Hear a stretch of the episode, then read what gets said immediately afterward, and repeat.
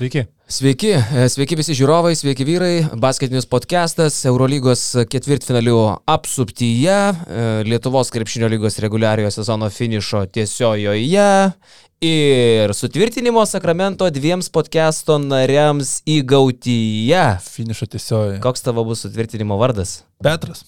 Aš Jordanas. Jordanas. Jordanas. Taip. O Edgaras Ulanovas bus Baltazaras. Oho. Taip, šiandien mes e, su Lekšu ir Edgaru ir jo žmona einam į Švento Jurgio kankinio bažnyčią ir priimsim sutvirtinimo sakramentą Kings. Didelė šventė su repeticijom. Taip. Tai vakar e, Edgaras parašo, ką Jordanas. Ir galvoju, iš kur jisai žino, aš nemačiau sąrašo. Atsiverčiu sąrašą, žiūriu, o, tai kad čia dar ir Ulanovai tenai. Ponas okay. Baltazaras, na šiol į Ulanovą prašom kreiptis Baltazarai. O kaip galima trumpinti Baltazarą? Bal Baltis. Baltis. Baltis. Taip. Azarius? Taip. Žalgirio Baltis dabar bus. Buvo Baltų Pipinas, čia bus Žalgirio Baltis. Senas geras Baltis. Yeah. Tai va, tai turėsim šventę gal po to kokį dar afterį, uh, kornholą. Gal, gal užsikūrus. Gal trikšotų pamėtysim. Ui, trikšotai, taip. Bet čia reikia į specialistą kreiptis. Šios savaitės tema. trikšotai. Klausyk, tai tas tavo paslaptingasis video e, iš e, Rasija 2 kanalo galiausiai atsirado.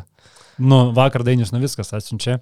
Jisai man ir tą kartą, prieš devynis metus irgi jisai buvo siuntęs, nes čia jisai viską organizavo, čia buvo jo idėja. Ir Maros jisai gal ir turėjo mėtyti, bet jisai Vilniui mėtė per uh, Gedimino skulptūrą, kur yra uh, šita aikštė.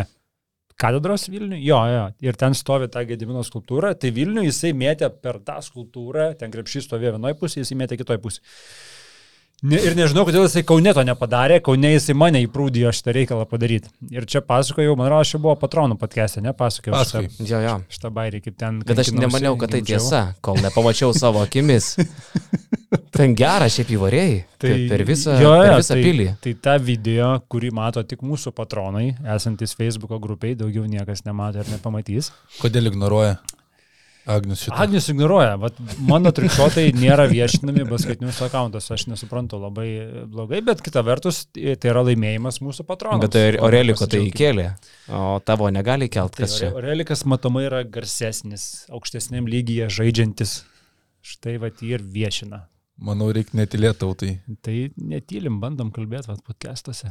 Bet e, niekas, man atrodo, daugiau nėra surinkęs laikų mūsų basketinis Facebook'o patronų grupiai nei tavo trikšotas. Jo, jo, aš, aš irgi, aš kaip pamačiau, jau kad... Kai, kai, Man tai labiausiai patiko, kaip tu taip nerangiai davėjai kumštį tam uh, rusų laidos vedėjui. Vot Jonas, nu maladėts. Jo, jo. Tai čia dar buvo tas pasimet, pasimetęs Jonas, dabar jau yra Jonas, e, Jonas bomba, tuo metu Ne, ne, matai, labai nepatogu. su, Jonas sutrika. Man su, su rusakalbiais visą laiką, žinai, aš suprantu, bet kai žinai, kaip pačiam, tu žinai, kad tu nepasakysi ir tu žinai toks... Jisai galėjo apie ką kalbėti. O, snavis įvodė. Не, Вот не, такой урод, который попробовал. Ir tu... Da, da. Jonai. Jonai. tu neklausai, ką aš sakau. И это урод сегодня. Uh, tai va, ir jo, manęs niekas neviešina Instagram'e. O tai jie atvažiavo vien dėl to trikšotą nufilmuoti. Jo, jo, ten kažkokius, kažkokius jo daro bairius, kad jie kiekvienoje laidoje daro tuos trikšotus. Tai Darydavo, čia devyni metai atgal. Jeigu būtų viskas pasibaigę be trikšoto tą vakarą. Aš taip jau galvojau, kad realiai, realiai, aš ten. Realiai aš ten pusę valandos mėčiau kaip niekur. Bet šiaip tu labai drąsiai filmavaisi Rusijos televizijoje, nes jie galėjo sumontuoti, kad tu ten, pavyzdžiui, meti už tai, kad Lietuva prisijungtų vėl prie Sovietų sąjungos. ne? Ir tu paskui žiūrėtum savo video. Jonas e, za Sovietskis sąjūs, pasmatrycie. Ir tu tenai triumfuoji, žinai. Ir dar tau uždeda tekstą, žinai, subtitrus rašo Rasija. Žinai, nes ten vis tiek nesigirdi, ką tu kalbi. Nu. Ne, čia buvo, čia buvo devyneri metai atgal, čia dar buvo prieš visas rusų invazijas į Ukrainą. Tai gal trupučiuką kitaip žiūrėjom, jo, bet, e, bet tai, kad esu Rasija 2 kanale, tai įdomus faktas. Šiaip dabar net ir mano šitą Rasiją, kur aš pamosikavau, galėtų kažkas susimontuoti kaip reikia, ne? Klausyk, e, e, bet tai, tai nebuvo to vienintelis gyvenime trikšotas? Ar, ar tai buvo viskas, ką tu esi krepšinė nuveikęs efektingo. Ne, tai aš esu kalbėjęs, kad esu įdėjęs kelis kartus. A. Gerai. Gerai. Eikime, eikime toliau. jo, klausyk, bet... e, Padėjęs irgi. Tu, tu paminėjai Dainių Novicką ir aš galvoju, kaip taip atsitiko neteisingai, kad Dainius Novickas neatsidūrė Lietuvos krepšinio federacijos e, legendų šimtukė, kuris neseniai buvo paskelbtas ir kaip žinia bus iškalta net e, ir tų šimtuko geriausių vardai specialiuose lentose garbės. Kaip, kaip Dainius Novickas galėjo neatsidurti šimtukė legendinių žmonių? Jis juk yra mėgėjų legenda, jis, Geras klausimas, kolega. jis, jis yra bardako legenda galų galia, jis yra 3 prieš 3 Jis yra Gineso rekordininkas. Jis yra strategas. Olimpinis beveik dalyvis. Specialistas. Yra olimpiniai beveik dalyviai. Yra, aišku. Specialistas. Jo, aš ir suku link to, kad e, Jonas Miklovas labai užsikūrė prieš šitą podcastą ir ofise, ir, ir, ir koliojos, ir, ir, ir, ir mūsų operatoriui Karoliui Lekui siūlė ir eiti, ir... Visaip ir, vadino žodžiu, labai tikrai buvo pas- pasisiutęs ir išėlęs ir įkaitęs.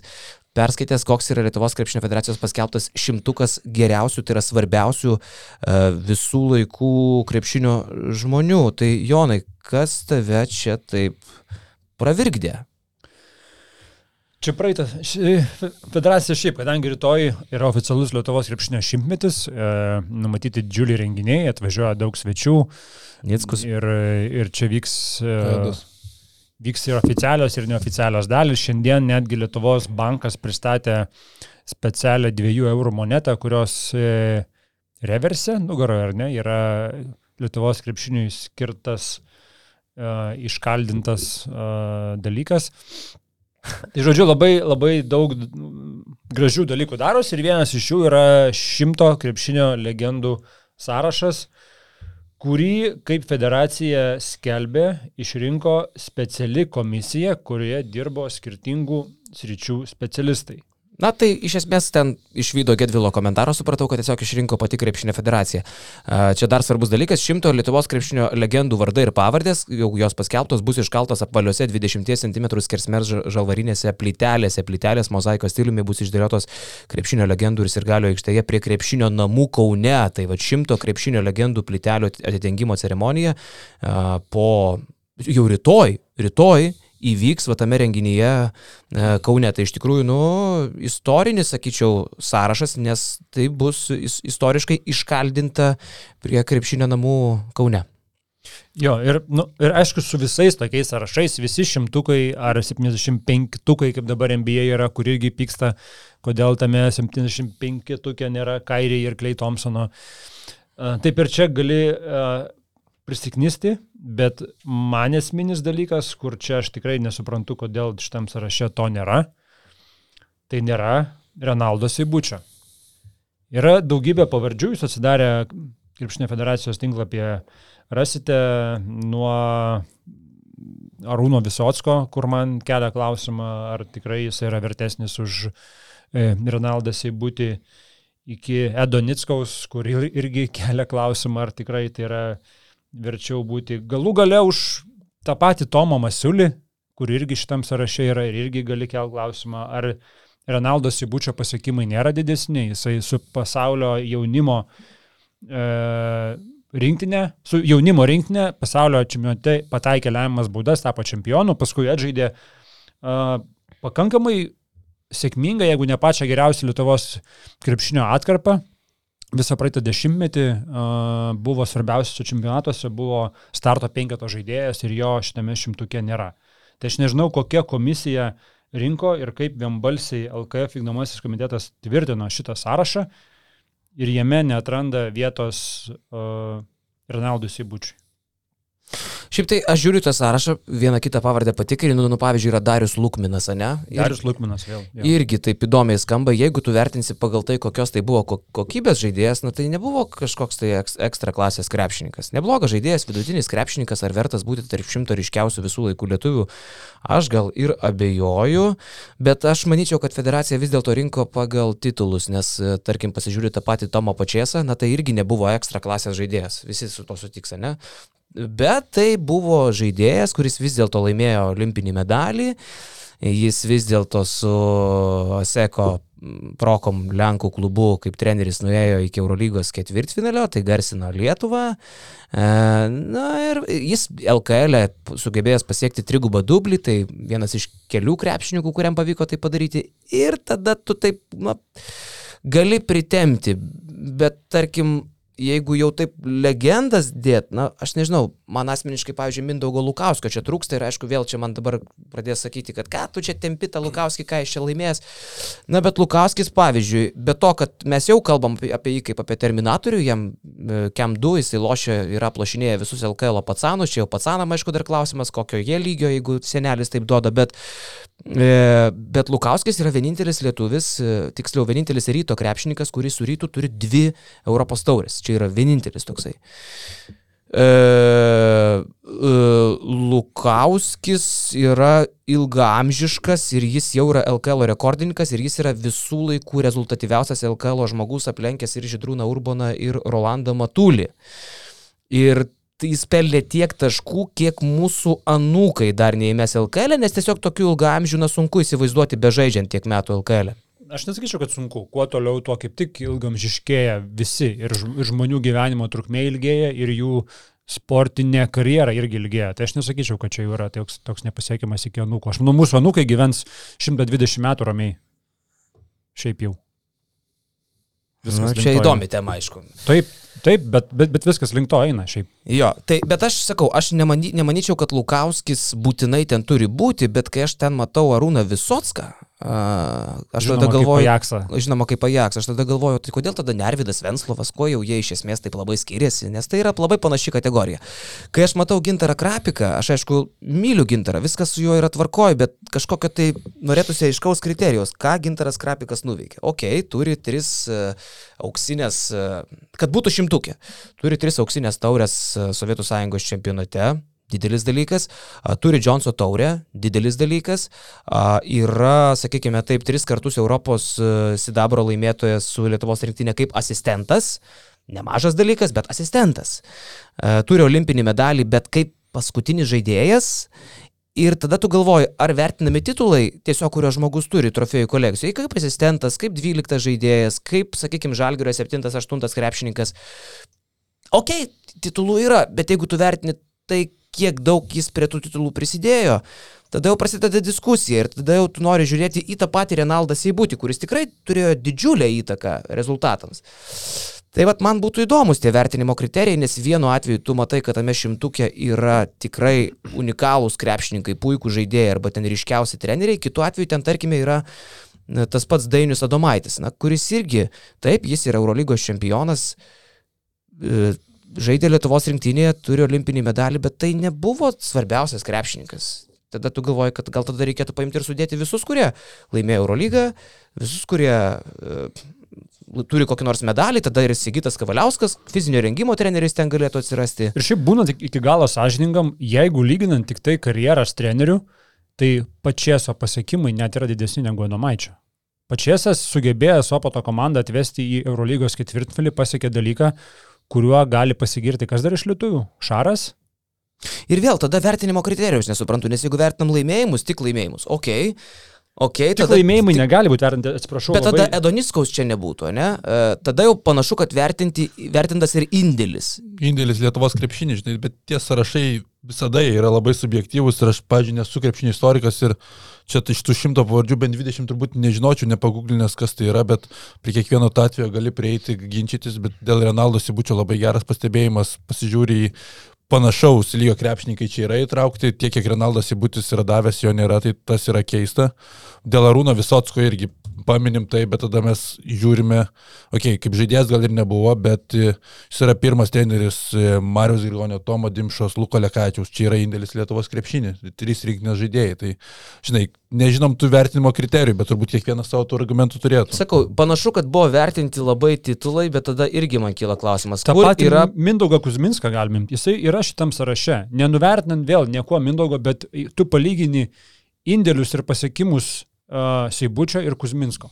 Vienas iš nedaugelio bei krepšininkų. Jo, o pavyzdžiui, kur yra Pranas Talzūnas? Pranas Talzūnas yra 37 metų Europos čempionato MVP, naudingiausias Europos čempionato žaidėjas, kai Lietuva pirmą kartą laimėjo Europos e, pirmenybės. Maža to, jis yra vadinamas kablio išradėjų. Tai, ką vėliau naudojo Gintaras Einikis, ką vėliau naudojo Arvidas Sabonis, kuo pasižymėjo, tai Pranas Talzūnas laikomas to tėvu. MVP, pirmo Europos aukso, geriausias Lietuvos rinktinės žaidėjas, vienas Lietuvos krepšinio protėvių tarp didžiausią įtaką padariusių krepšininkų ir trenerių neatsirado, Edas Nickus tenai yra. Tai aš sutinku, aš tiesą sakant net nelabai pykstu ant šito šimtuko. Čia žmonės turi teisę gal ir primiršti, praleisti pro akis ar kažką. Bet tai yra taip subjektyvu, kad aš tam nematyčiau gal vietos iškaltos prie krepšinio namų. Nes... Jo, jo, jo. Jeigu tu jau kažką iškalinėjai tokioje vietoje šimtmečio progą, pasisteng labiau. Uh, Rolando Radvilos pastebėjimas irgi buvo, turime per visą krepšinio savo istoriją, turime penkias moteris pasaulio čempionės. Penkias. Dviejų iš jų šitame sąraše nėra. E, Larisa Vinšaitė, 71 metų pasaulio čempionė, Ramūnė Šidlauskaitė, 83 metų pasaulio ir 83 ir 85 Europos čempionė. Dvi moteris tituluotos Taip, galima kabintis, kad tie laimėjimai pasiekti su Sovietų Sąjungos rinktinėmis, bet tada mes galim kabintis prie Modesto Paulausko, lygiai taip pat irgi pasiekti laimėjimai su Sovietų rinktinėmis, ar ne? Tai kodėl vyrams atsiranda vieta, kurie su sovietais laimėjo tokius medalius, moterim dviem pasaulio čempionėms neatsiranda, kur tada vėl, nu, kokie yra kriterijai? Žinai, vat būtent, man pritruko šitame reikale, tiesą sakant, kokį šimtuką be padarys, atsiras trys e, šlikštynės kaip mes, kurie e, lasdavos ir sakys, kad kažkas negerai. Visą laiką kažko čia kažkam pritruks. Bet e, sumažinti tą, sakykime, kvestionavimo galimybę buvo nesunku. Tiesiog pasakyti kriterijus, pagal ką vertinami. Pagal titulus, ok, tada tenai nesikabinėjom, Lukauskio gal ir nereikia. Pagal ten, nežinau, ryškumą ar, ar įspūdį vaikams, ar, ar ar, sakykime, indėlį, kad vaikai lankytų krepšinį, tada manyčiau, kad Lukauskis turėtų ten atsirasti. Aš čia nebruku Lukauskio, miniu jį tiesiog kaip pavyzdį, kur nesuprantu, kokie buvo kriterijai.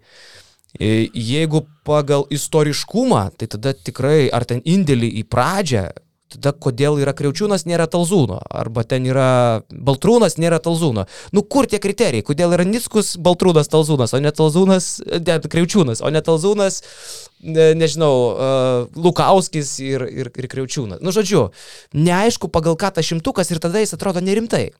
Aš kaip suprantu, čia buvo ir žmonės galėjo balsą atiduoti ir į kiekvieną laikmetį davė atskirą skai, vietų skaičių. Ten negalėjo būti, kad iš dabartinio laikmečio ten 30 žmonių iš praeito, iš paskutinio tūkstantmečio, dešimtmečio 10 žmonių. Jo, jo. Ir man dar ko labai trūksta, kad yra visiškai neįvertinti žmonės, kurie nebuvo krepšininkai, bet kurie tą krepšinį nuš, nušvietė. Ar tai žurnalistai, ar tai tam tikri aktyvistai. Aš prieš ketverius metus, 2018 metais, kai Lietuva šventė savo šimtmetį, Lietuva kaip šalis, o ne kaip, kaip krepšinis, buvau sudaręs tokį irgi šimto krepšinio asmenybių sąrašą ir išskyriau vienoje iš skilčių, išskyriau entuziastai ir žurnalistai. Ir mano galva mažiausiai keturių žmonių šitam sąraše trūksta. Mažiausiai keturių. Aš nekalbu, kad čia reikėtų įtraukinėti Miklovus, Tiškevičius ir Lekšus. Ne, nu, tai čia būtų, nežinau, šitą. Lietuvos krepšinio gėdos sąraše gal galėtų atsirasti šitos taip. pavardės. Jo, bet, bet bent kelių pavardžių, kad šitam sąraše nėra, man yra labai keista. Vidas Mačiulis. Gali jums patikti, nepatikti tai, ką jis dabar daro, paskutinius dešimt metų žiūrėti, nežiūrėti, bet kad tai yra Lietuvos krepšinio metraštininkas, niekas nesiginčys. Kokį vidas yra įnešęs šią indėlį, absoliučiai net, net negali būti diskusijos. Taip pat su Algymantu, Berta, Algymantu Bertašimi. E, sporto istorikas, e, kuris visą savo gyvenimą praktiškai paskyrė rinkti uh, statistiką, informaciją apie krepšininkus, apie, tie, kurie, apie tos, kurie žaidė rinktinėse, užsirašinėdavo į sasvinuką, išsikarpydavo iš laikraščių. Jo dėka ta pati federacija ir puikiai tai žino federacijų dirbantys žmonės yra išleistos tos knygos, kuriuose sudėta labai daug faktų istorinių apie rinktinių žaidėjus, apie istorinės asmenybės, viską. Šitas žmogus labai prisidėjo prie to, kad tiesiog būtų susisteminta ta informacija ir mes turėtume savo praeities istoriją. Žiauriai svarbus žmogus. Mano galva, Arūnas Pakula irgi yra tas žmogus, kuris čia turėtų būti ir nusipelnyti. Vėlgi yra uh, krepšinio enciklopedija ir be galo intelektualus žmogus, e, dirbęs krepšinėje, dirbęs žiniasklaidoje, žurnalistikoje, rašęs ne tik tai Lietuvos spaudoje, bet ir italam rašęs, prancūzam, jeigu neklystu, italam, ispanam, rašęs versdavęs tais laikais iš tų kalbų. Jisai tiesiog e, nepriklausomybės pradžioje jisai buvo tas šviesulys, kuris Lietuvoje nešė krepšinio e, žinių šviesą savotiškai. Trečias, ketvirtas žmogus, kuris irgi mano galva čia privalo būti Linas Kunigėlis. Vėlgi, nieks nesiginčys, kad e, tai yra Lietuvos krepšinio balsas, iš jo mokėsi ištisos kartos, kopijavo, jisai dirbo ilgai federacijoje ir federacijoje buvo svarbus žmogus, e, koordinavo visą viešųjų ryšių veiklą. Tai Ir tada pasižiūriu tą sąrašą ir galvoju, kodėl mes šiandien įvertinam šitų žmonių, kurie šalia krepšinio buvo, kurie padėjo tą krepšinį nušviest, koks, kad jisai būtų matomas, kad jisai būtų įdomus ir kodėl tam tikros pavardės, kurių nesinori kažkaip menkinti, ten paminėjom visos, kad dar kažką, tai nėra menkinimas, bet tiesiog yra keliamas klausimas, ar tikrai uh, tie žmonės, kuriuos paminėjom, jie yra svarbesni už tuos kitus. Federacija turėtų kontrargumentą, kodėl nėra žurnalistų, jeigu sakytume, jog čia yra tik tai uh, krepšininkai ir treneriai. Tada būtų kontrargumentas ir viskas aišku, bet čia yra ir teisėjai. Yra Brazauskas, Pilipauskas, amžinatelis Virginijus Davidavičius, yra ir legendinis teisėjų mokytojas Raimondas Barauskas.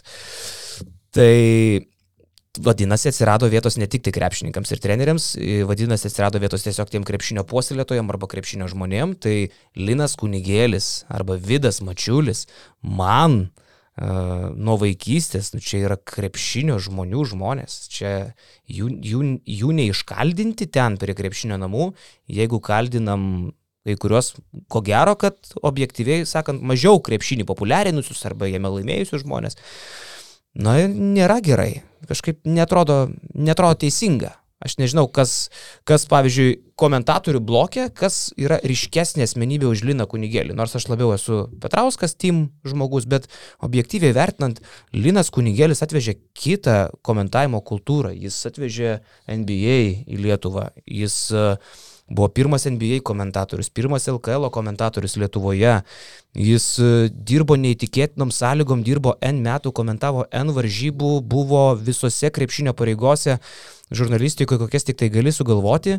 Absoliutus entuziastas iki šios dienos, ryški asmenybė, tarp kitko ir ori asmenybė šiandieną ir dirbanti e, e, tyliai, be jokios reklamos, padedanti ukrainiečiams. E, pas, šiandien turbūt ir iki šios dienos Linas ten pasienyje sėdi ir Nu, aš tai galvoju, kad čia yra žmogus, kurio Lietuvos krepšinis turi didžiuotis, kaip ir vidų mačiulių, galima mėgti, nemėgti, bet 30 metų daryti tą patį darbą, daryti jį dieną iš dienos, kartais be pinigų, apie vidą visokių, visokių nuomonių gali turėti, bet čia yra legendos. Man gaila, kad jų nėra. Įtrauktas yra atskiras sąrašas, ne šimtuko, o 15 asmenų LKF apdovanojimų skiria už gyvenimo nuopelnus krepšiniui. Ten yra Vidas Mačiulis, yra... Bet nėra Lino kunigėlio. Bet nėra Lino kunigėlio. Yra sėkla, bet kunigėlio nėra. Tai tas tikrai yra Bronė Švitrienė. Jo. Nu, žinai, vėl, rizikinga yra tokius apdovanojimus iš vis daryti, skelbti tokius sąrašus, nes visada atsiras bambeklių, kuriem kažko pritruks, kažkas kažkaip kažką interpretuos. Tai čia mes dabar būtent to ir užsiminėjom, bet, nu, nuomonę savogi gali turėti e, tokiais klausimais. Tai, jo, aš į tavo tą, vat, e, išstojimą, taip, ten kambariukė mūsų sureagavau ramiau, bet dabar, kai pradėjom kalbėti, nu, iš tikro, yra čia tokių kabliukų, kur norėtųsi, kad, kad jie būtų akcentuoti gal labiau. Kažkiek daugiau tiesybės. Jo, bet tokiai. Okay. Su būsima švente šimtmečio. Dalyvausi? Dabar dalyvauju kitoj šventėje namie, mane kiekvieną dieną manęs laukia šventė namie, žinok. Tai jau tu nemėgojęs normaliai esi šiandien, ne? Labai gera šventė, taip. tu dalyvausi? Ne, manau, kad ne. Nežinau, šiaip čia pasvarys, tai mane vis kalbina, gal ten reikėtų kažkaip užsukti. E, tik bėda, kad čia pas mane nakvos blemba po tos šventės. Tai praeitais metais, kai jisai po kažkokios tai federacijos šventės atvažiavo. Tai nebeišvažiavo. Tai sunkiai išvažiavo. Tulikas sugedo, ar čia ne tas? Ne, čia šventė. čia pas yra pas mane nulaužęs tualetą, nežinau, ar žmonės tą žino, dar kai miško gatvėje gyvenau. Tiesiog išlaužė tuliką, iš, dar taip nesumatęs tulikas išlūžo iš grindų. Gerai, kad ją pati nenukritė, žinai, kaip per filmus rodo. Nu. Gerai, vyriukai, turbūt keliamės į Eurolygos ketvirtfinalius, nors prieš keldamiesi juos turime pakalbėti apie partnerį, kuris remia basketniuose visus Eurolygos playoffus. Playoffus ir finalo ketvirtą. E, Jie yra tie mūsų partneriai, kurie mums padeda įgyvendinti tai, kad mes e, ir visose Eurolygos arenose turime žurnalistą, bent vieną. Šiemet yra tokia situacija, kada mūsų basketnius.com Hebra keliauja per visas arenas, e, dalyvauja spaudos konferencijose, kurios nėra labai gausios dažnai, dėja, taip jau yra, playoffai nelabai ką keičia Europos, vak- vakarų Europos krepšinėje, žmonės randa svarbesnių dalykų. Tai žodžiu, NordVPN yra tas partneris, kuris mumis tiki ir su mumis dirba ne vienus metus. Gal ir net jau metus daugiau, turbūt jau ir taip, jo. Ir jie yra tie, su kuriais jūsų naršymas internete gali tapti saugesnis arba patogesnis. Vienas dalykas, jisai apsaugo nuo kenkėjų bandymų įsilaužti į kompiuterį, naršant po nesaugius tinklalapius arba prisijungus prie nesaugių Wi-Fi, kažkur tai vieš, viešose vietose, kavinėse, a, Arenose. arenose, traukiniuose, autobos, aut- autobosuose. A, Arba galite pasikeitę lokaciją žiūrėti sporto renginius, kurie yra neprieinami tam tikrose šalise, arba netgi įsigyti tam tikrus uh, paketus, kurie yra pigesni. Pavyzdžiui, tą patį NBA, uh, NBA League Pass gali įsigyti prisijungęs iš Indijos, tu jį įsigysi pigiau negu prisijungęs iš Lietuvos, nes NBA turi atskirą kainodarą Indijai. NordVPN, sukčiauk ir šipsokis. Keisk lokaciją, o žiūrėk, kodėl tokį žmogų rodo pas mus reklamą? Rudoka. Basketinis LT šiuo metu Ramūnas Rudokas. Parodyk žmonėm. Gaujų karai, labai baisiai šie atrodo, ne, negalima tai rodyti. Ten gal kur Dainius Navickas filmuojasi. Ne? Dainius Navickas visur. Su NordVPN, manau, galite net užblokuoti tokius dalykus, kad jums nerodytų šį. Rudoko? Jo. Nu, Rudoko, žinok, kiek blokavo, dar niekas Nieks neužblokavo. neužblokavo. Jo, yra žmonių, kurių neužblok... kurie yra neužblokuotini. Nu, bet, žodžiu, jeigu visgi norite pabandyti užblokuoti Ramūną Rudoką su NordVPN, Pabandykite. pabandykite. Yra variantas, uh, me, dviejų metų planui yra taikoma 73 procentų nuolaida, kur mėnesio kaina išeina mažiau negu 3 eurai, 2,70 kažkiek. žiauriai mažai. 273. 7-3. Va. Ir mažo to, per pirmą mėnesį, jeigu jums nepavyksta užblokuoti rudoko, jūs galite atsisakyti NordVPN ir pinigai bus gražinti. Nepavyko, stengiausi, neišėjo, atgaukit, noriu atgauti pinigus, atgaunu. Tai NordVPN dar kartelį Yeah. yra mūsų patikimas partneris. Ir NordVPN, nu, krap, krapikas sėkmingai toliau naudojasi, taip? Taip, taip, be abejo. Pusdikiai. Tai va, o kalbant apie ketvirtfinalius, visos ketverios rungtynės baigėsi dviženkliais taškų skirtumais ir tai yra pirmas kartas nuo 2007 metų, kada toks dalykas įvyksta ir tik antras kartas per visą Eurolygos istoriją, kada pirmosios ketvirtfinalio rungtynės baigėsi dviženkliais skirtumais. Visos. Visos. Unikalu. Visos ketverios. Taip. Kuris jums mačas buvo pats įdomiausias? Štai labiausiai laukiau pirmojo mačo Milane. Pamačiau pradžioj tribūnas. Iš karto tas hypas kaip ir nukrito. Tada pamačiau pirmą ir antrą kėlinius, tas hypas visai apačią nuėjo ir, ir tam trečiam, ketvirtam kėlinį tiesiog pražiūrėjai krepšinį, bet realiai tiesiog Bet Nu- realiai tai buvo rungtynės, kuriuose turbūt buvo daugiausiai intrigos. Ne? Milane, Jo. Ką žinau? kad tos intrigos labai panašios. Gal Madride daugiau buvo. Jo, gal Nu, Madride daugiau. Makabis gal truputį pasitampė ilgiau. Šiaip ne? koks negyvas yra Armanis, tai net sunku patikėti. Polimas atrodo kaip iš e, kokio, e, nežinau, iš e, Vilniaus mėgėjų C lygos, kur žaidė kažkur matytų komanda ketvirtfinalyje su molėtais. Labai prastas žaidimas. Ir net ten nepasakysi, kad kažkuo unikali Efeso gynyba, tiesiog neįgalus Armani polimas atrodo. Tai ta prasme, jau pernai tų problemų turėjo didelių, Armanis polime, niekas šį sezoną nepasikeitė, išskyrus tai, kad veteranų komanda metais paseno ir nebeturi geriausio turbūt izolacijos žaidėjo Kevino Panterio. Tai 48 taškai prieš Efezą, kuris vidutiniškai praleisdavo reguliariam sezonui virš 80, ypatingai kažko gynyboje nepakeitė, individualiai vienas prieš vieną, izolacijos žaidžia ir tiesiog tie metimai nekrenta, tai yra atkrintamosios. Tai nu man tas pirmųjų rungtynių įspūdis labai blankus. Nežinau, gal čia padarė tas koronavirusas, kad gal žaidėjai neatsigavė fiziškai, bet nu, neturėjo jokių, jokių variantų. Jie ten, su, gal, galbūt dabar prasimesina, kad nelaimėsi visko gynybą tiesiog. Na, šiaip tai dabar uh, net girdėjau, čia jau keli draugai, tai 3-0 čia FSS laimės. Nu, žinai, iš vienų rungtynių išvadų nepadarysi, palauksim kito mačo, gal vaizdas bus kitoks. Bet šiaip net ir FSS, tarkim, Micič, Tai buvo silpnos jo Prastai rungtynės. žaidė. Jis Prastai žaidė. Larkinas du kelnius prastai žaidė, tik antroji pusė pradėjo žaisti ir žinai kas. Nikola Melį iškrenta, Melį yra ten kertinis žaidėjas. Ja, Mėly baigėsi sezonas. Taip. Panašu į tai. Atkrintamosios baigėsi, bent mėnesį iškrito, tai... Nu tai viso gero. Jie tikrai nenugalės Efeso po šitų rungtynių, tai dar, dar akivaizdžiau. Tai labai daug stovės ant Šeivano Šilco, iš kurio irgi žymiai daugiau tikėjausi, jis yra rezultatyviausias žaidėjas, tačiau kaip atrodė Delainis, kaip atrodė Sergio Rodrygėsas, tokių rungtynių patirties turi sukaupę begalę, tačiau absoliučiai nuliniai, jokios kūrybos. Tai man atrodo, FSS, jeigu šiandien susitvarko, tai ir užsibaigs ta serija 3-0. Bet kaip atrodo Benas Ventilis? Ventilis. Tai yra tiesiog trys trajekai. trys trajekai. Antrojo kelio herojus, vienintelis žaidimo pelnės taškus į Milane. Minė, minė tą dviratuką Atenuose prie šoninės linijos, prie solelio ir, užminė, va taip, kad jau dabar tokios formytės tris trajekus. Šiaip jis galingai Sumeta. sudėtas, toksai prieš rungtynės rodo, kaip ateina, tai toksai, eik tu savo, matytum gatvį išsigastum.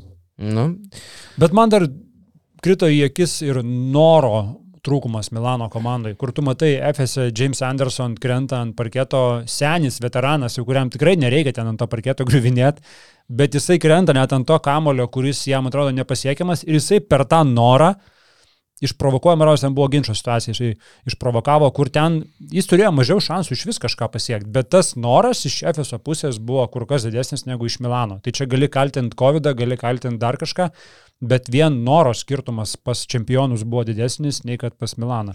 Šiaip pirmas kelnys Milanui net geresnis buvo, atrodė viskas pagal jų planą. Antram kelnyje FS nieko irgi labai ne, nepadarė įspūdingo, tačiau Milanas tiesiog nepelnė taškų ir kuomet galėjo antrajam kelnyje tiesiog pabėgti, įgyti dviženklį panašumą, kas tokios nerezultatyvios rungtynėse yra labai daug. Pats Milanas sustojo ir taip ir pasibaigė, kad nu, negali Larkinas su Mitčium visas rungtynės tylėti po pertraukos, tai pamatė ir man atrodo, Mesinas šiek tiek suvėlavo, kai tie met- metimai nekrenta, išleidžia Trojų Danielsą po trijų kel- kelnių iš karto pradeda dviem tritaškis, bet jau per vėlų tiesiog buvo. Na, dar sakau, dar Armanio nurašyti visai nereikia. Aišku, aš netikiu jų pergalę serijoje. Bet, bet man, mano šypsena patiko pamačiu. Ane? Matai, kaip šypsojasi. Ne. Mesina visas nuleidęs galvo, tas šalia toksai visas laimingas, sako, Jo. laimėjome Milano stiliumi. A, bet Milanas taip blogai sužaisti negali. Nu, negali. Jie, jie laisvi tritaškius prameta. Šilcas, taip sakykime, irgi prametė ne vieną gerą metimą. A, tai blogai nebus. Kita vertus, Milanui mišios dar ir dėl to, nu, jie lieka iš esmės be polėjų. Mitoglų out, Meli Su ventiliu. out, uh, Gigi out. Ir, ir net Gigi Lamonika, kaip sako mūsų gerbiamas Žilvinas Aleksandravičius. O Gigi tikrasis. Taip sakė? Nu, jis sako Gigi, Labo, Gigi Lamonika kažkodėl, aš nežinau, ar Lamonika tikrai turi šitą pravardę. E, jo, Tai Luigi, visi džidžiai. jo, nu, ok. Tai dabar lieka tikrai su Benu Bentilu, e, Tarčevskiu, Heinzu ir kuogi. Šilcu Ricci. kažkiek dar polėjų grandį. Džampaulo Ryčiai. Mhm. Fantastika. Sunku bus, sunku tikrai, šį vakarą žaidžia. Ir pažiūrėsime, aišku, Milanas laiką turi tą savo gynybą, pramušti buvo tikrai sunku, bet, e, nu, sakau, tokių talentų tu nesustabdysi visas rungtynės, kaip yra Larkinas, yra Micičius. Bet vyrai, Barsa, Bairnas. Prieš kelintis į Barsą, bet dar Jonas labai užsiminė, atrodo, įsijungi playoffus užsihypinęs. Nu, dabar jau, žinai, čia tiek laukiam viską. Pamatai, tokios tuštokos tribūnėlės.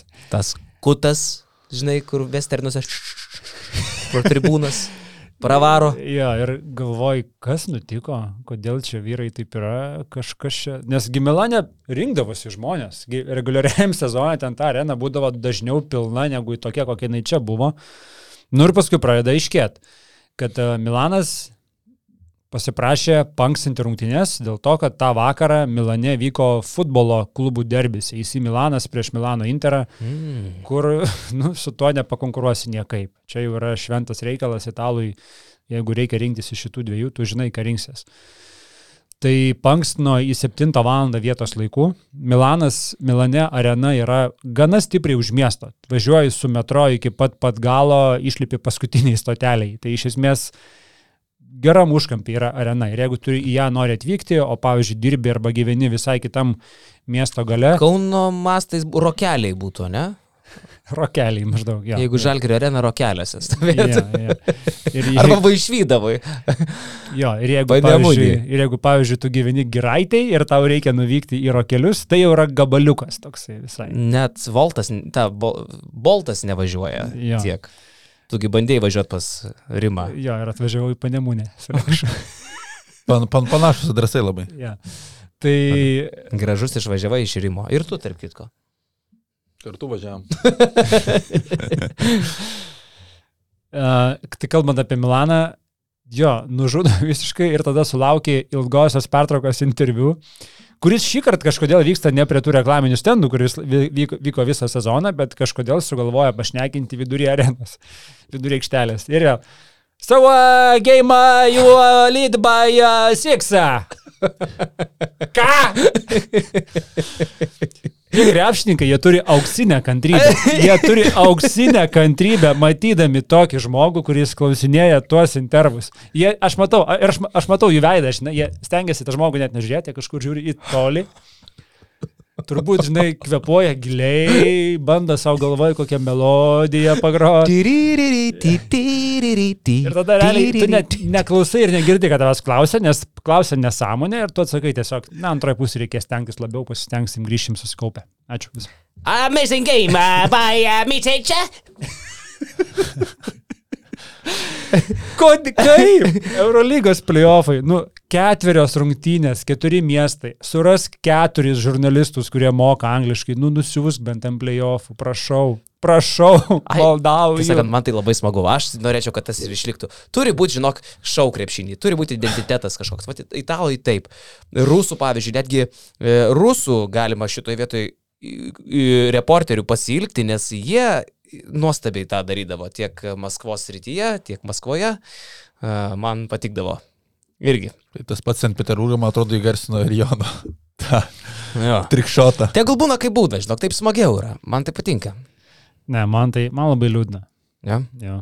Man šiaip atrodo, kad, tu prasme, Eurolygos atkrintamosios, kiek Eurolyga skiria dėmesio, dabar su elementarus tas intervas po rungtinių nei suderino su transliacijos e, padavėjais, nes e, mus iš karto išėmė iš eterio, žiūrim toliau, rodo, do, rodo veiksmą iš arenos, ima intervus, po to mus anksčiau įleidžia į eterį, nors niekas nevyksta, rodo reklamas, tai niekas nėra sutarta, tai kaip Eurolyga ir kaip NBA pasiruošė atkrintamosiams, tai ta prasme nėra ką kalbėti, skirtingi Kodėl pasauliai. Eurolyga puikiai išmeta karts nuo karto tą playoffs užrašiuką į ekraną? O čia, jau, kad užrašė, tai čia yra Labai jau gražiai. pasiekimas.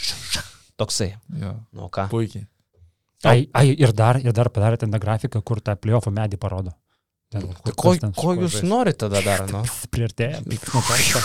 Ta, 3D ten.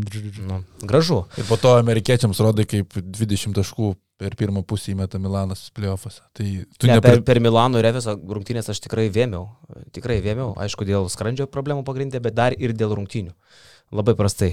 E, Barsa Bairnas, neuž, neužsibūna per nelikti Milane, ten buvo neįdomu, o Barcelonai buvo įdomu, vėl Palau Blaugrana dainuoja, dainelės, e, vėl linksma. E, aš pasižymėjau iš, to, iš tų rungtynių tokius ke, keturis kampukus. Miro dingo, čia savo keywordsus susirašiau, raktinius žodžius. Rokelio lyderystė, eksumo dėjimas ir Deiviso nesportinė. A, nublem, bet gal pradėsiu nuo eksumo dėjimo. Man čia, žinok, sezono dėjimas. Aš irgi tai pasakiau iš karto po, po, po transliacijos, kad čia Smeisai žmogus iš, iš, iš, iš Marso kažkoks. ir Otelo Hunteris. Otelo Hunteris yra didis vyras. ir kaip užpika Hunteris. To, to nematęs. Kito, to nematęs. Stumtelėjo biški egzumą. Egzumą žvengė nukrytęs. Savim, šį smagu žiūrėti, savim patenkintas, po kiekvieno epizodo ploja su šypsena, fiziškumo levelis tokio Eurolygoje tikrai nėra buvę, aš neatsimenu, kad kažkas tokio yra žaidę. Tai... Bet ir vėl Šaras paima ir išsitraukia iš šiknos kažkokį va tokį, na, kur kažkur kaip ir žinomas vardas, kaip ir pažįstamas pasaulyje, bet ar iš čia tiks, ar iš čia ką, toks laikinai, tipo čia Higginsas pas mus šlubuoja, bum. Jau dabar kalbos apie tai, kad būtina pasilikti Barsai. Jis turėjo laikinai būti tikrai, kiek turėjo dviejų mėnesių. Iki vasario galo. Čia atvažiavo tokia, žinai, nu tikrai laikina Ir detalė. pradžiai netrodė, kad atrodė tiesiog gynybinis žaidėjas, bet nieko ypatingo, bet užteko mėnesio dviejų, kad jis suprastų, kas yra Europos krepšinis ir toje siauroje Europos, e, Europos mastais krepšinio salėje, tai tikrai randais tos vietos, nors atrodė NBA, nu, ar tai pirmas numeris, ar tai antras, ar tai trečias, nu, netinka tiesiog tam krepšinėje, bet dabar žiūri, kad kodėl jisai nepritapo, net sunku suprasti. Tai buvo daug traumų, bet jo noras yra grįžti NBA, jisai su, su tą mintim čia atvyko į Eurolygą, kad tai aš turiu grįžti, tai didelis praradimas būtų Eurolygai, jeigu Egzmo nepavyktų išlaikyti Barsai, ką aš labai norėčiau, kad tikėt, kad pavyks vasarą. Nu, klausykit, Rokas Jokubaitis. Dar apie dėjimą. Ištiko nelaimė mane per tą dėjimą. Apsipyliai? Vaikas atpylė. Ne, žinai, dirbu vis tiek kažką ir taip, žinai, žiūri kažką, nuleidžiu akis ir girdžiu rėkia. O, koks dėjimas! Pakeliu, kas kur, kas čia buvo. Tada atsisuki, žinai, Ajo, tikrai geras. Bet žinai, bet jau toks. Nebe tas, nebe tas. Nepamatęs tiesiogiai net nebegali džiaugtis. Negali džiaugtis. Per fulę įvartį, kai praleidai, nuėjęs į, į virtuvę atsineš kažką. Tas pats buvo. Jo, sėdėjai valandą laiko. Laukiai, laukiai. Akis išvarvėjo, blecha, nuėjai tik tai staigiai ir įsisiu ir girdi gol. Bet aš taip vis laikiau, kai neįmuša mano komanda, tai sakau, reikia išeiti, tada įmušti tikrai. Tai dažniausiai taip nutinka. Ja. Tai vad prie rokelio dar pereinant. Nu, vyručiai, ketvirtas kelinys, žmogus, e, kaip sakyti, jau, jau barnas vejasi, ten viskas vyksta. Rokelio du su bauda, rokelio du iš vidutinio, toks šaltas ramus. Trajekelis irgi užtikrintas, 11 naudingumo balų. Tu, tu, tu, tu, tu, tu, tu, tu, tu. Tu, tu, tu, tu, tu, tu, tu, tu, tu. Eina į snaką, šiaip, ne? Aš mačiau mes buvom įkėlę Twitteryje tokį paveiksliuką, kur yra realios žaidėjo galimybės, toks padarytas paveiksliukas, nu, uh, kaip čia pavadinti, Excelio vos ne uh, šitas baras, ne baras, kaip čia tas toks. Dieve mano, nemoku paaiškinti, stulpelis, teisingai.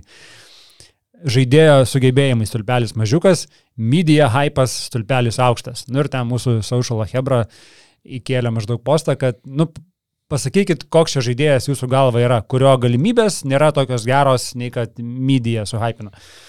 Ir Paulius Ambrazevičius, mūsų žinomas bičiulis ir influenceris, pakomentavo, kad tai yra Rokas Jokubaitis, neva jis yra stipriai pervertintas lyginant su jo gebėjimais.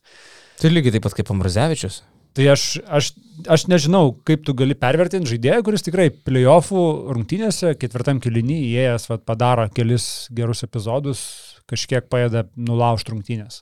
21 metų. Mhm. Ir tai tikrai yra media hypas. Ne, ne, viskas su juo yra gerai, šiaip e, kuo toliau, tuo gražiau, nežinau. E, man tik vėl, eilinį kartą uh, užkliuvo teisėjų perdėta pagarba Barcelonai ir man geriausiai pasimatė, kai Deivisas nustumė Lūčičių.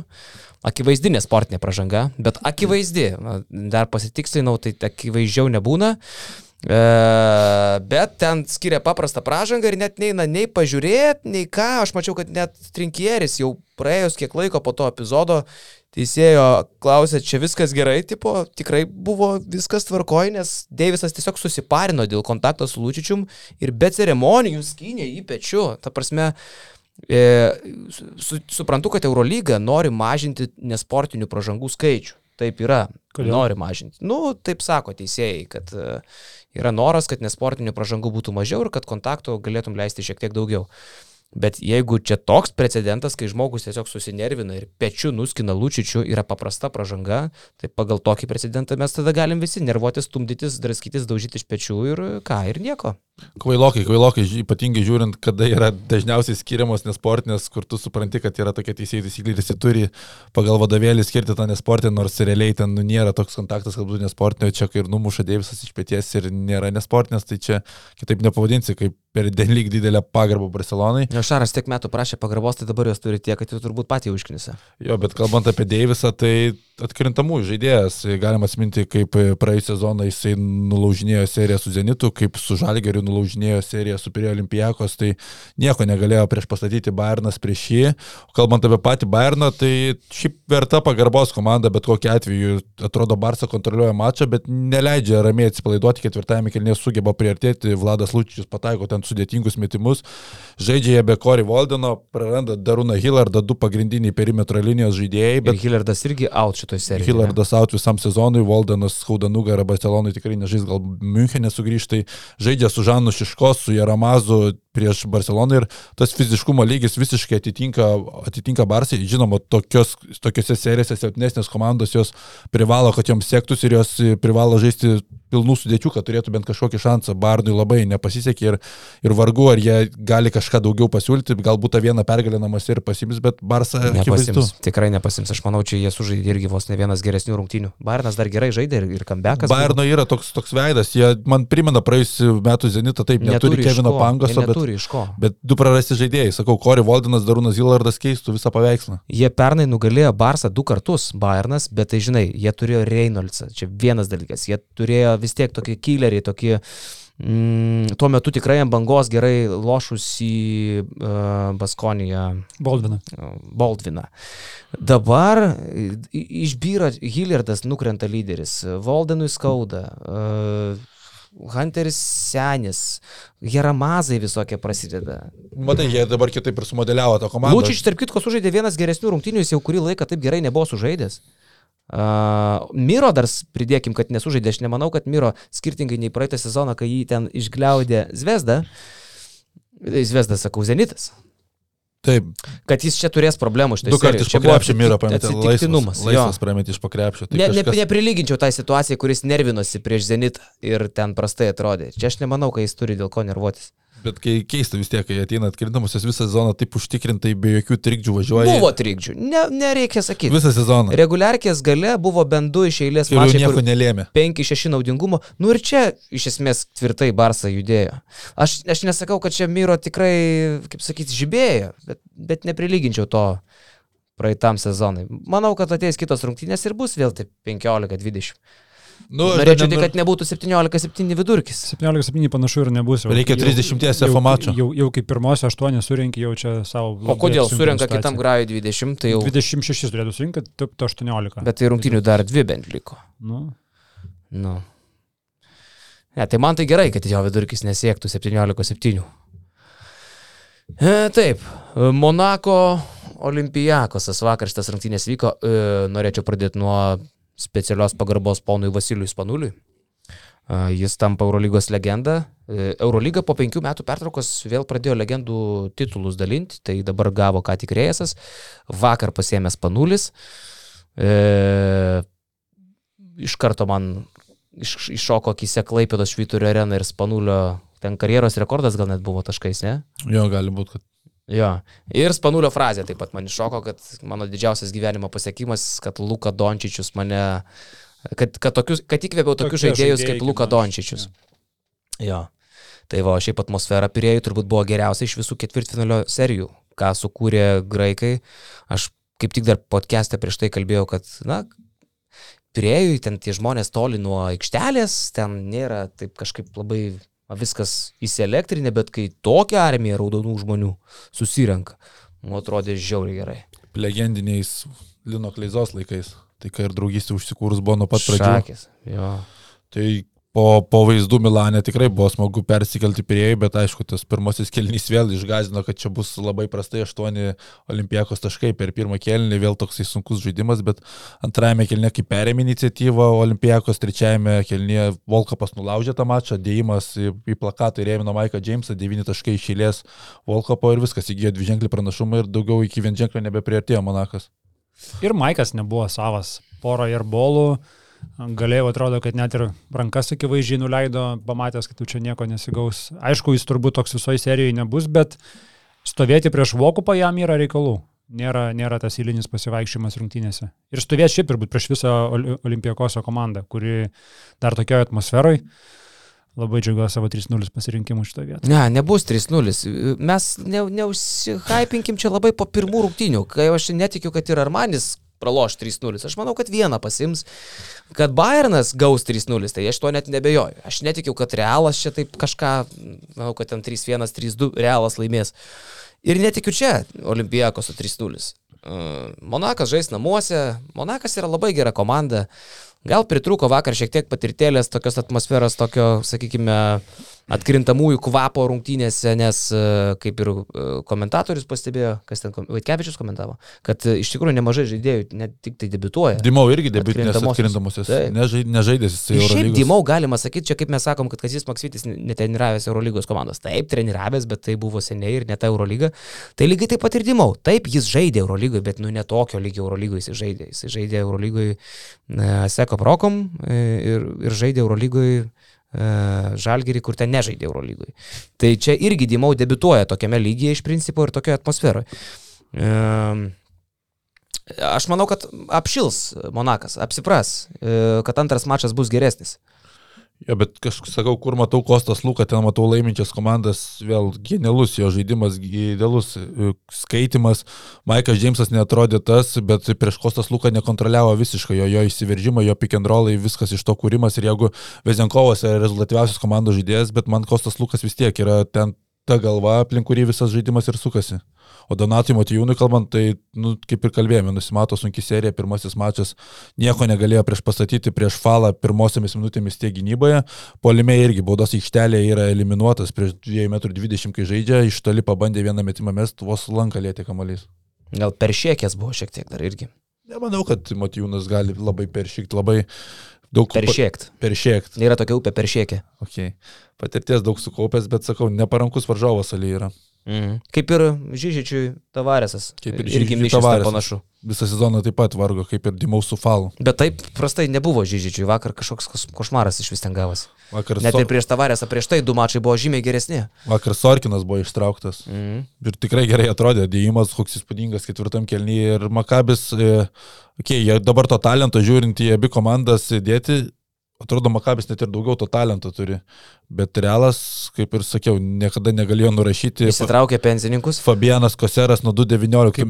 Pradėjau sakyti, ištraukė pen, buvau užsigandęs, bet paskui nurimau. Kai jis pasakė, kad įsitraukė falą, aš irgi buvau išsigandęs, bet, bet mes nustokim krūpčioti iš tame podcast'e.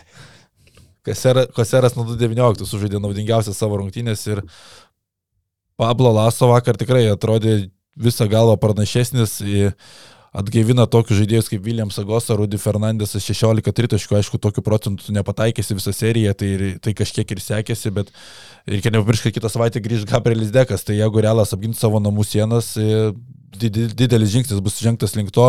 Makabis bandė visai gaudyti Realą su Vilbekino pastangom vienas prieš vieną daugiausiai, bet e, pats Vilbekinas buvo labai atakuojamas polime ir būtent Pablo Laso per čia ir žaisdavo. Vakar, kai Aleksandраvičius pradėjo vardinti, kiek metų realo žaidėjim, aš taip, jo fana, iš tikrųjų, žiūrėk, ir dabar pats pavardinsiu. Jul, 3-4, Hanga, 3-2, Koser, 3-4, Fernandes, 3-6, Randolph, 3-2, Tompkins, 3-1, Taylor, 3-2. Pensne, Jabuselė, jaunuolis, 2-6, Patsanas, Tavarės, 2-9, Porė, 2-8. RTL nežaidžia, bet 3-2, GOS 2-7. Ta prasme, čia yra senelių namai, realiai. Realiai, jie buselė, turbūt visi rūbiniai siuntinėja, kad atneštų bandelių, atsigert. Taip, krepšius. jaunas, jaunas atneš. Tai Nunezas tenai yra kaip anūkas, 17 metų. Vukčevič nebėra, aišku, Alosen 2-1. Va, tai Alosenas ten yra, nu, O tik į klavžarą išsikviečia, kas būna. o jas, Su klavžaru. nesiskaitimas. Taip, tai va tokio amžiaus komandėlė, aš nežinau, Eurolygui turbūt senokai buvo tokie pensininkai, jiems tikrai nebereikalo šneka apie tai, kad jau keičiasi kartos, gal ir dėl to apie trenerio keitimą taip dažnai šnekama, kad sulik pensininkais nueitų ir treneris. Bet šį vakarą, bent jau man per realų rungtynės, tai vyko žongliravimas tarp trijų transliacijų. Lietkabelio, kurio tiesą pasakius žiūrėjau mažiau, realas ir partizano dar galą pažiūrėjau. Likus minutiai žiūriu, jau jie ten jie nutolo, galvoju ramu, galiu persijungti ant, ant dviejų rungtynių, ant Lietkabelio ir Realo ir kažkokiu būdu partizanas sugebėjo pralaimėti. Tai turbūt galim peršokti prie Eurocapo reikalų, prie Lietkabelio pasirodymo Bolonijai. Čia paminėjai tą transliacijų žongliravimą, tai, nu, Eurolyga labai stipriai nemylis Eu- Europos taurės. Bet tai yra jų produktas. Aš galvoju, principo, kas, ne? Kas turėtų būti jų žiūrovų, kai tuo pat metu e, vis, per, visų aštun, per visus aštuntfinalio paras e, vyksta mačai Europos turėje ir žaidžia dvi, dvi Eurolygos e, at, atkrintamosios. Tai gali būti tik tais tų komandų fanai, kas gali daugiau žiūrėti antrą lygą. Ne, taip nesistengti populiarinti savo antrą lygą, tai, tai reikia daryti sąmoningai. Aš manau, kad tik tai sąmoningai gali taip, taip, ne, taip specialiai daryti, sugrūsti viską į vieną. Ir žinai, tu pasakysi, kad tvarkaraštis. Tai bet buvo Eurolygui savaitės pertrauka, Lietkabilis dvi savaitės nežaidė. Kodėl praeitą savaitę nepradėti tų aštuntfinalių? Todėl, Lietkabilis... kad nepamatytų žmonės. Kaip kitaip padaryti, kad nepamatytų Europos taurės. Sugrūs su Eurolygos ketvirtfinaliais.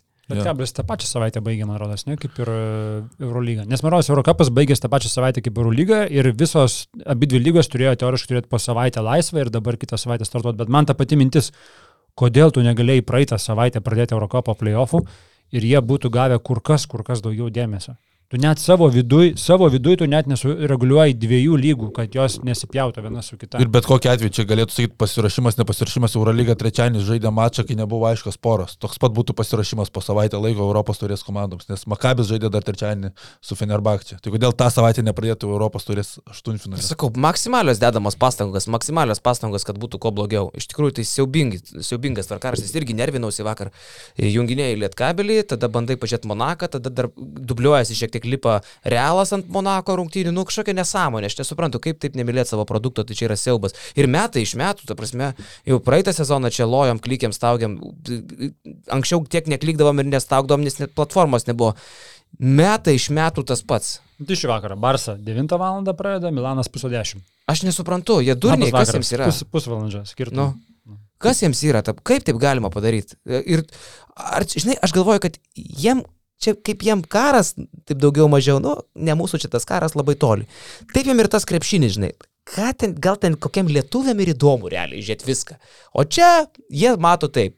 Barsas žiūrės. Barsos fanai, Bayerną, Bayerno fanai, supranti, kitą grajų žies tų komandų fanai. Milano fanų žies. Čia gal tik kokiam lietuviam, žinai, gal ten įdomu viskas. Mums čia pohu yra. Mes žiūrim, ką žiūrim, jūs ten Lietuvoje ir, ir pareigūnai. Mums čia gerai grafikai jo. sueina. Jo, tai va toks turbūt ir požiūris yra. Jie turbūt įsivaizduoja, taip, taip myli savo produktą, kad galvoja, kad jo niekas nemyli. Va taip, aš tai tik taip galiu paaiškinti. O produktas šiaip geras, iš žiūrovo perspektyvų ypatingai, gal iš turtingųjų klubų apie tai pakalbėsim, bet uh, Bet žiūrovams vienerios rungtynės, tu eini toliau, tai maksimali intriga, tu padarai realiai rinktinių turnyrą, kur aišku reikia daug sėkmės, bet tokiais atvejais labai daug sensacijų gali vykti ir vien partizano pralaimėjimas vakar kiek Twitteris pašėlo tiesiog serbai.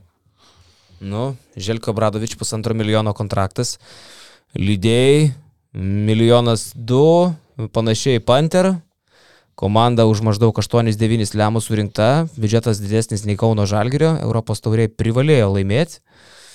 Nu, žaidėjams skiriamas biudžetas. Ir ne vienas komentaras ir lietuviškoji social medijoje ir tam pačiam Twitter'į, kad yra nesažininga, kad šitas formatas yra nesažiningas. Jis ir yra nesažiningas. Sportinė prasme jis ir yra nesažiningas. Mesgi suprantam, kad Partizanas yra geresnė komanda. Bet kas, kas yra sąžininga tada? Sąžininkai. Kodėl žaidimas krepšinio aikštelėje, kur varžosi viena komanda prieš kitą, yra nesažiningas. Tai kad tu visą sezoną kali dėl to, jog būtum antras uh, ir esi antras, Partizanas grupiai buvo antras, Džiaventutas pirmas.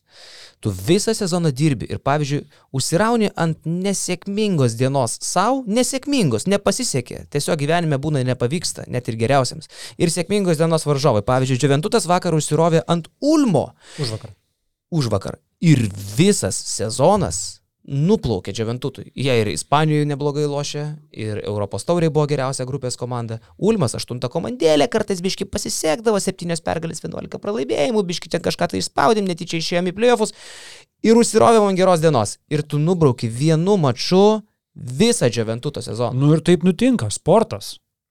Tai bet taip jau, taip bet tai jau nėra yra, teisinga. Prasme, tai nėra. Tu pralaimėjai krepšinio rungtynės. Nėra teisinga, kaip aš sakau. Tai yra, kai ateitų teisėjas, nu, herbas ar, ar pinigas, metam, gerai, herbas, tu laimėjai, einam. Tai, tai nebūtų ne, tai, sažininga. Tai yra absurdas, ką tu kalbė, jeigu mes tu monetą. Kaip, kaip bet, gali būti nesažininga pralaimėti ja. krepšinio rungtynės? Ne, tai mes kalbam, kad finalo, finalo ketvirtį yra blogas formatas, o čia Finalo ketvirtai nėra toks blogas. Nėra toks blogas tu kaip čia. išeini į prestižinį etapą, kuriame jau, sakykime, likai tarp keturių ir tai jau bet kuriuo atveju yra daugiau mažiau pasiekimas. Aš... O čia Džioventutas iš esmės užima 16 vietą, būdama viena geriausių Europos taurės komandų, manau, Nes top jie 2, top 3 neįrodė, objektyviai. nes jie neįrodė, kad jie yra viena geriausių Ne, tada, kada reikėjo. Vieną prastą vakarą. Ir lygiai taip pat su tuo partizanu. Čia dabar visi, jo, čia brangiausia komanda, jie paneviži 20 taškų atsiemė. Tai nebuvo tik vienas blogas vakaras, kad jie per sezoną sužaidė vienas blogas su Bursos Tutti Frutti komanda, ar ne? Tai nebuvo tik vienas blogas vakaras. Nėra tokios komandos bursas, tu tik rūti. Žinau. E, Bet ma- man tas argumentas, kad yra vienas blogas vakaras. Ne, jūs nebuvo tokie dominuojantis. Pernai Bolonijos Virtus buvo kur kas labiau dominuojanti komanda Europos tauriai ir pusfinalio serijoje jinai vis tiek pralaimėjo iki dviejų pergalių. Bet pusfinalio serijoje, ne Ir, ir aštuntfinalio. vis tiek serijoje tu pralaimėjai. Tai vadinasi, Pusfinalio, ne aštuntfinalį. Pusfinalis, aš sutinku, kad jau nuo Koks pusfinalio, pavyzdžiui, galėtų būti Final Four uh, dalykas. Viskas tvarkoja. aš ne, aš kaip tik Bet galvoju. čia tu užėmė 16 vietą, būdamas Džiaventų. NCAA visas grožis tame yra, metai iš metų, visi laukia kovo beprotybės. Bet čia yra Visi- studentinas, ten niekas nemeta pinigų. O čia Ten kaip tik meta belė kokius pinigus. Ką, Un, uni- univerams ten yra, žaidėjams ten yra moka atlyginimus. Ten, ten yra esmė, kad žaidėjams nemoka, bet univer uždirba nežmoniškus pinigus. Nežmoniški Iš pinigai i- iš to, kaip ta, kuo tau labiau sekasi, tuo tu daugiau pinigų uždirbi. Bet studentų lygos tų universitetų tikslai nėra kažkur patekti toliau. Tu čia planuojasi biudžetus, planuojasi tikslus, investuoji milijonus, kad patektum į Eurolygą, bet viskas yra apsprendžiama per vienerias rungtynės. Man čia irgi nėra sąžininkai iš tos pusės. Iš žiūrovo perspektyvos taip, yra idealus formatas iš tų mažųjų klubų, irgi kuriantas e, pasakos istorijas, pačiai gal Europos taurė irgi yra gerai, kuomet gali įvykti tokia sensacija ir tu ten parašysi pelenės istoriją, bet iš tų didžiųjų klubų, iš viso to krepšinio, iš tų, kad lygiai atskleis, nu vienas mačas neapsprendžia. Ir dar lėkščiai, net ir iš žiūrovo perspektyvos. Nu jeigu ta Europos taurė dar truputį įdomi, ga- galima sakyti, kad tai yra truputį įdomu, tokiam žiūrovui kaip aš, tarkim, ar kaip tu. Ane? Tai jinai įdomi, jeigu ten yra Džiaventut ir Partizan toliau kitame etape ir tikėtina, kad kalasi su Virtusu. Ar tau bus labai įdomu dabar stebėti, kaip Ulmas Bet e, tada drož, kalbam- kaip drož ten bar bursos tuti fruti. Tai mes tada kalbam apie tokius dalykus, kad gal Virtusu? tada iš viso surengėm finalo ketvirtą, į kurį pakviečiam brangiausias komandas ir tegul jos išsiaiškina. Ne, bet tai... Nes bursos tuti frūti sugadins turnyrą, jeigu jos nuės iki pusnulio ar finalo. Tada Žiūrėk, o tu norėtum? Gerai, einam, ateinam, palyginkim tada kitaip. ateinam į tą patį, kur mane užsipolė dėl to, kai aš sakiau, ten reikėjo Eurolygai įsikišti, nes čia sportinį principą, bla bla bla. Dabar jūs kalbat prieš sportinį principą. Tuti frūti sportinį principą. Nėra tokios komandos. Bet, bet tuti frūti sportinių principų įrodė, kad jie, jie verti būti kitame etape. Gerai, gerai, gerai, nusiraminkim. Norėtum, kad Bayernas nukala netyčia Barsą ir išeina į Final Four? Jeigu toksai varžybų formatas, sorry, bet taip yra. Taip, tu norėtum, kad tai būtų kaip žiūrovas, kaip krepšinio mylėtojas. Barsa vėl- vėlgi, dominuoja visi visą reguliarų visi sezoną, užsirauna ant. Bayerno geros dienos, netyčia. Lučičius sumeta 36 taškus, Miro, Mirotičius išsisuka koją, Jokubaitis uh, apsidėmė, neteina į aikštelę, Kalatisas uh, net važiavo į rungtynės užgėrė. Netyčia. Ir Gerai, pralaimi mes- vienas rungtynės. Norėtum galim- tokio formato? Tas pats formatas. Eurolygos finalo ketvirtas. Olimpiakosas CSK. CSK dominuoja visus metus, Jonas Kazlauskas, Andrėjus Kirilenka. Finale irgi e, turi ten kiek 16 finale. taškų. Kiek. Ir jie galiausiai prapila rungtynės su paskutiniu fuksišku kažkokiu tai metimu iš kampo, kuris dabar yra viena gražiausių visų laikų Europos krepšinio istorijų ir vienas įspūdingiausių metimų. finale. kuriuo nusprendžiamas. ir- O čia kalba bet- apie tai, bet kad tu vėl ateini, kad iš lieki rungtynių viskas sprendžiasi. CSK buvo stipriausia komanda tais metais, be konkurencijos. Bet Jonai, jie nuo temos. čempionai. Ašgi kalbu apie tai, kad Final Four diskutuotina, bet įdomu ir gražu, nes tu jau tarp keturių. O čia kalba, kad Joventut, būdama dešimt kart stipresnė už Ulmą, lieka 16 vietoje. Kaip tu pamatuoji dešimt kartų stipresnį? Nu, Jie nes, pralaimėjo rungtynės. nu, nes tai yra vienas vakaras. Visigi sutinka, kad ir šiauliai vieną vakarą gali nugalėti žalgirį. Tai tame yra Bet sporto žalgiris yra grožis. dešimt kart stipresnis už šiaulius. Man tik iš savininkų pusės, kaip tu gali planuotis e, investuoti pinigus, jeigu tau reikia keturis kartus laimėti iš vieno mačo serijas, kad tu patektum į Eurolygą. Nu, iš Virtus pusės, iš Partizano pusės. Vienas mačas, nu, Žalgiris nuo Jonavos pralaimė ir ketvirtfinalį ir vien, vienas mačas, jeigu lemia, nepatenka į pusfinalį. Nu, pavyzdžiui, jo, įsivaizduok, tarkim, žaistų dabar Žalgiris su Neptūnu, vienas būtų mačas, ne? Žalgiris dominuojanti jėga, Neptūnas... Visiškai, ne- visiškai nerūpėtų, nes tai LKL. -as. Ne, ne, bet ne, ne, ne, ne, kad ne, kokia- apie tai, tai yra bet- sportinis- Bet kalba apie tą, ne? Ir Neptūnas sužaidė geriausias gyvenimo rungtynės, tai čia mes kalbam apie taurės varžybas. Va taurėj, kad taip yra. Aš, Man okay. rinktinių turnyrė. viskas Taurė, gerai. Zeba. Va. Rinktinėse tų biudžetų nekiši. tas tuti fruti, vairiai, visą kitką, žinai. Bet čia yra lyga. Tu droži Europos tauriai 18 rungtynių, dominuoji, ateina Ulmas ir tave nukepa, viskas, sezonas Na baigėsi. Nu, gerai, žiūrėk, uh, Badalona net jeigu būtų išėjus, kitame etape žaistų su Bolonija. Taip. Viena iš tų dviejų komandų, bet kuriuo atveju out. Mes bet kuriuo atveju tu, turėsim turbūt, galim turėti finalą, kuriame bus, pavyzdžiui, Bolonija prieš Las Palmą. Arba tuti fruti. Kas galėjo būti pilnai bet kuriuo atveju ir su tom komandom, kurios būtų išėjusios. Galėjo. Viena komanda į Eurolygą, viena. Bet kuriuo atveju iš šito būrio, iš Virtuso, iš Partizano, iš, iš Badalonos, iš uh, Podgoricos, kurios jau irgi nebėra. Taip. Iš šitų visų komandų tik viena bet kuriuo atveju išeitų. Tai koks skirtumas, ar tu krenti aštuntfinalį, ar ketvirtfinalį, ar finale? Nuoširdžiai, Tu- tu- tu norėtum tokio nepatenki formato. Eurolygui. Eurolygui norėtum, kad taip vienas grajas ir bam. Eurolyga yra aukščiausias lygis. Čia, čia yra kas kita. Eurocapas, aš sakau, kaip ir vakar diskutavom su Zenkovu, visi šimtą metų žvengia, tai yra kibero taurė, ne? Dabar staiga mes čia ieškom kažkokių tai labai didelių teisybių Eurocape. Kibero taurė turi kažkuo išsiskirti, jinai turi būti kažkuo tai Mižalinio kitokia. kibiro aš tik pridėčiau. Nesvarbu, kokio, kokio kibero Turėjai kaime mižalinį kibirą. turėjau. Ir visą laiką kažkas dar jį ir priešika, blecha. Ir paskui visas namas aiškinasi, kas. Nu, pas mus Ne, didelė šeima. Ne? tiek nebūdavo. Okay. ne. Bet ki, kibero taurė ir tu turi kažką turėti. Turi cinkutį kažkokį turėti, kuriuo išsiskirtumai ir kuriuo patrauktumai didesnių masių dėmesį. Tu kitaip nepatrauksi, nes turi didį, didįjį brolį Eurolygą, kurį, kurį nori žiūrėti didesni krepšinio fanai, o tavęs nelabai ką žiūri. O dabar va, diskutuoja, ar tai nėra sąžininga, ar tai yra sąžininga. Tai dabar išsiskirs tuo, kad e, Andoros Morabank iškris į Ispanijos antrą lygą, bet laimės prieš Las Palmo vieną mačą, tada prieš Tuti Fruti pusnalį ir žais Eurolygoje kito sezono antros lygos Ispanijos lygos komanda. Jo, jo, jo. Nu, Arba, arba vienoje ir kitoje pusėje. arba į yra... finalą išeis Valencija ir Las Palmas, labai dvi geros komandos ir kažkuri iš jų taps čempionai. Ir vienoje ir kitoje pusėje yra argumentų, aš tik noriu pasakyti, kad šitas formatas labiau tinkamas taurės varžybom, čia mano pirma mintis. Antra mintis, kad jeigu toks, pavyzdžiui, principas būtų LKL, tai Kauno Žalgiris, tai, tai tikrai Lietuvos krepšinio lyga nors kartą būtų laimėję prienai.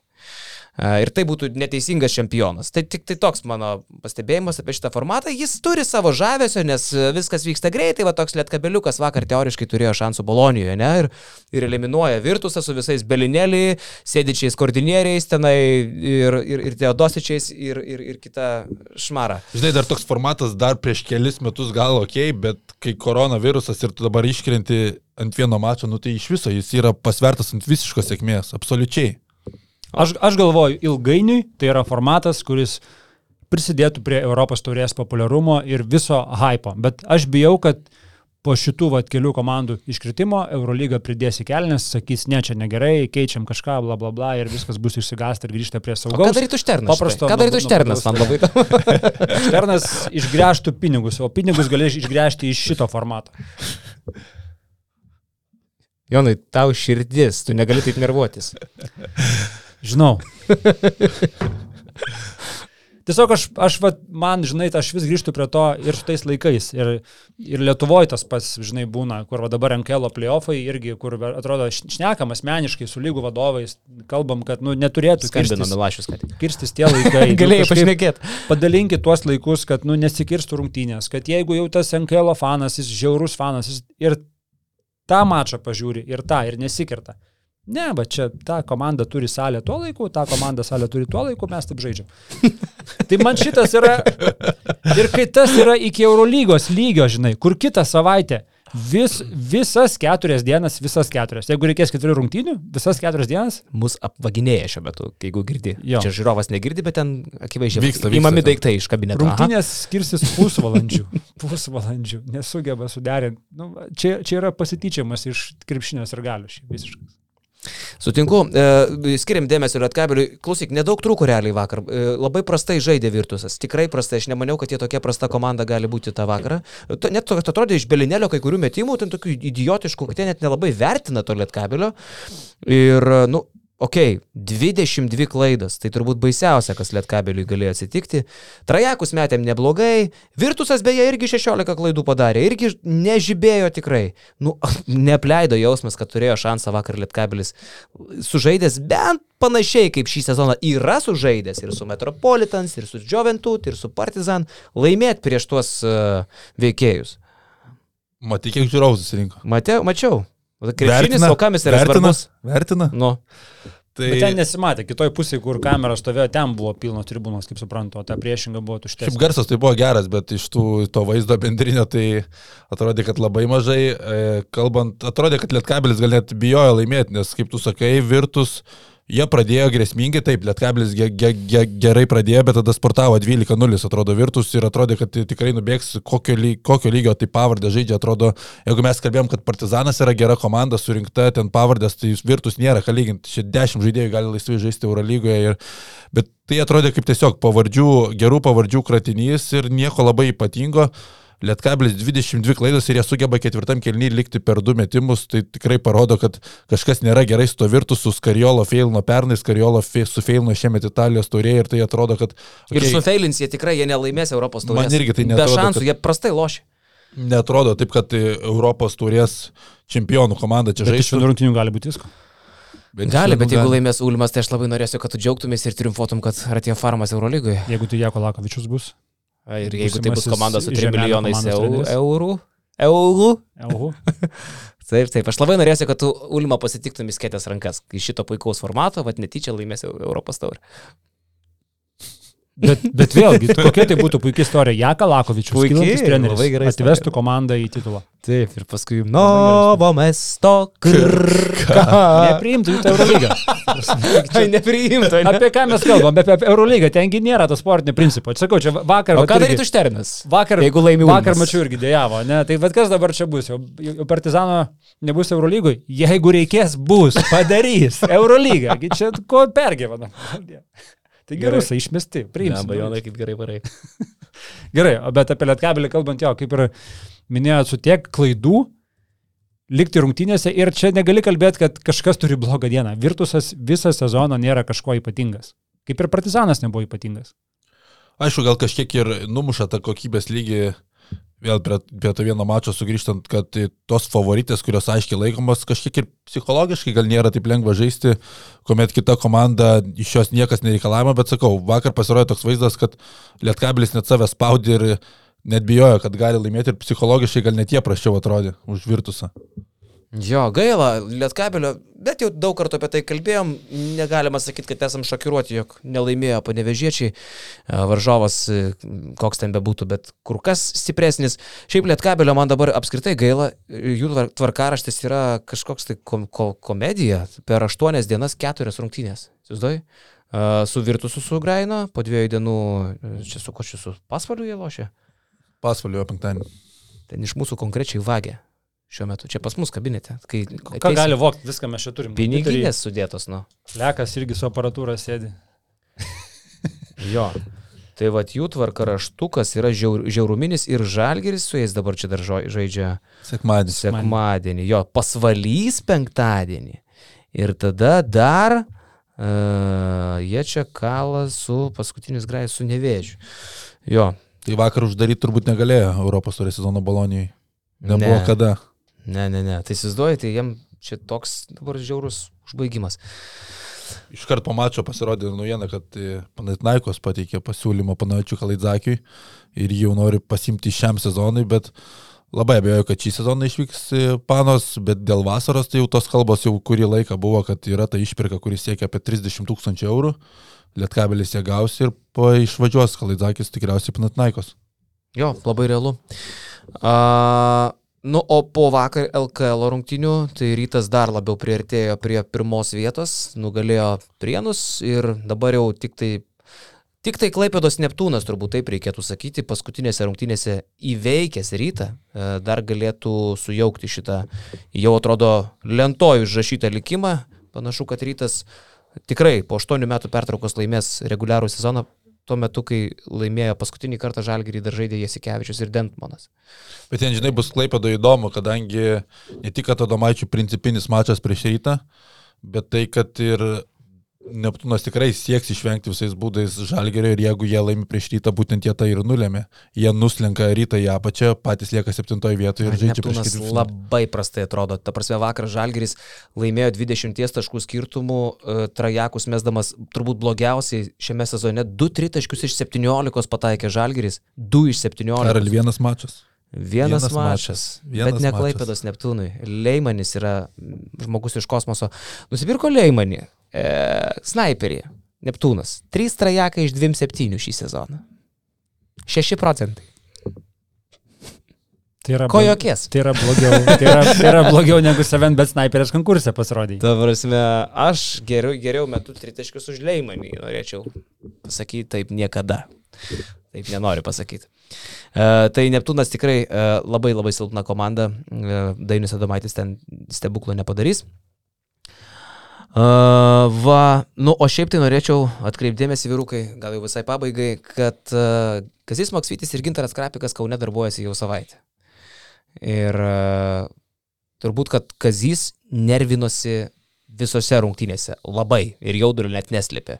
Debiutas su nevėžiu, pirmos rungtynės dreba. Uh, debiutas namuose su šiauliais irgi sakė, jaudinuosi. O vakar uh, sugrįžimas į Klaipėdą, į savo beveik gimtą miestą, ten neto- netoli darbėnai, sakė, net iš rūbinės kurį laiką nelindo, nes uh, norėjo susikoncentruoti rūbinėlį, nes jeigu tik įeis į salę, visi sveikina ir visą kitką. Tai jaudinanti Kazio savaitė, bet e, šiaip žiūrint į tai, kaip Žalgeris atrodo prie Kazio, tai man iš karto krenta į akis e, du dalykai. Tai per tas tris rungtynės jau akivaizdi tendencija, kad Lukošiūnas žaidžia gerokai mažiau. Per visas trejas rungtynės žaidė iš viso tik 15 minučių. Ir žaidė ketvirtuose kilniuose, kaip viskas aišku buvo. 3 minutės, jo. E, tai sakykime, Zdovsas kažkaip, ar Šileris Lukošiūną labiau matydavo. Aišku, prie to prisideda, kad Websteriui, Strelniekui, Blaževičiui ir kitiems suteikiama žymiai daugiau laiko, negu jie gaudavo anksčiau. Labai didelis intensyvumas, Dainis Adomaitis tai pažymėjo irgi vakar po rungtynių. Jis sakė, kad e, visą laiką laiko vienodą lygį intensyvumą nuo pat galinės linijos spaudžia, pradeda su vienu vidurio palėjų, baigia su trečiu ir niekas nesikeičia žaidime tas pats fiziškumas, intensyvumas ir kuomet reikia tiesiog dar suintensyvina viską ir nulaužinėja tai rungtynės, tai matos ta didelė rotacija ir ko nebuvo galbūt prieš Dovcov, Maksvitis išsireikalavo bent jau pradžioje iš žaidėjų tą didelį norą ir spaudimo nuo galinės linijos. O apie tas jaud, jaudulio akimirkas Kazijų, tai jos turbūt niekur dar nedings, nes sekmanį dar vienas sugrįžimas į Panevežį. Tai čia jaudinant, jaudinanti savaitė tęsiasi, dabar jau antra jaudinanti savaitė. Savaitė Telemundo prezentą. Taip, daug jaudulio, daug ašarų. Bet smagu, kad jis vakar irgi klaipėdo atsėmė e, iš Neptūno vadovų rankų ten apdovanojimą, visą kitką. Tai žiūrėsim, kaip čia viskas klostysi, savaitgalis bus įdomus. E, Gausim LKL, nuo šiandien gaunam Eurolygos playoffus ir aš labai norėčiau tikėti, kad aš dar dėl Monako neapsirikau. Jeigu Monakas gauna ir rytoj, tai tada jau man mišios. Ne, tam Angarė. Turi man laimėti vieną grajų. Turi laimėti. Angarė gali dvi pasimti ir grįžti. Ne, bet dabar žais pirėjui. Dabar prie ir Tai va to turi šitas laimėti. Nes aš lemba tas lemiamas rungtynės pirėjui, manau, kad per šieks dar labiau Monakas. Jeigu reikės penktas loš, turi ir pasimti pirėjui poryt. Gali būti, gali būti. Kad kertinis mačas. Gerai. taip, taip ir bus. Jonai palaidoti. geriausiai atrodė iš visų komandų per pirmą turą playoffų. Nu tikrai, iš visų laimėjusių komandų jie atrodė taip, geriausiai. Taip, aišku, aišku, sutinku. Bet žinai, rytoj kitą dieną. Vienas rungtynės. Taip, vienos rungtynės čia yra Jonai. Taip. Va, nu ir vyrai. E, Ar jūs jau laukiat legendinio Basket News patronų sąskrydžio? Gegužės 28 dieną. e, Tik tai per daug nepasakyk, nes čia yra slaptas renginys ir į jį patenka tik tie, kurie yra patronai mūsų. Gerai, neįvardinant vietos, bet gegužės 28 dieną legendinis basketinius patronų sąskridis ir e, jau netrukus, turbūt, kad šiandien Jonai, ne, pradėsi prekybą.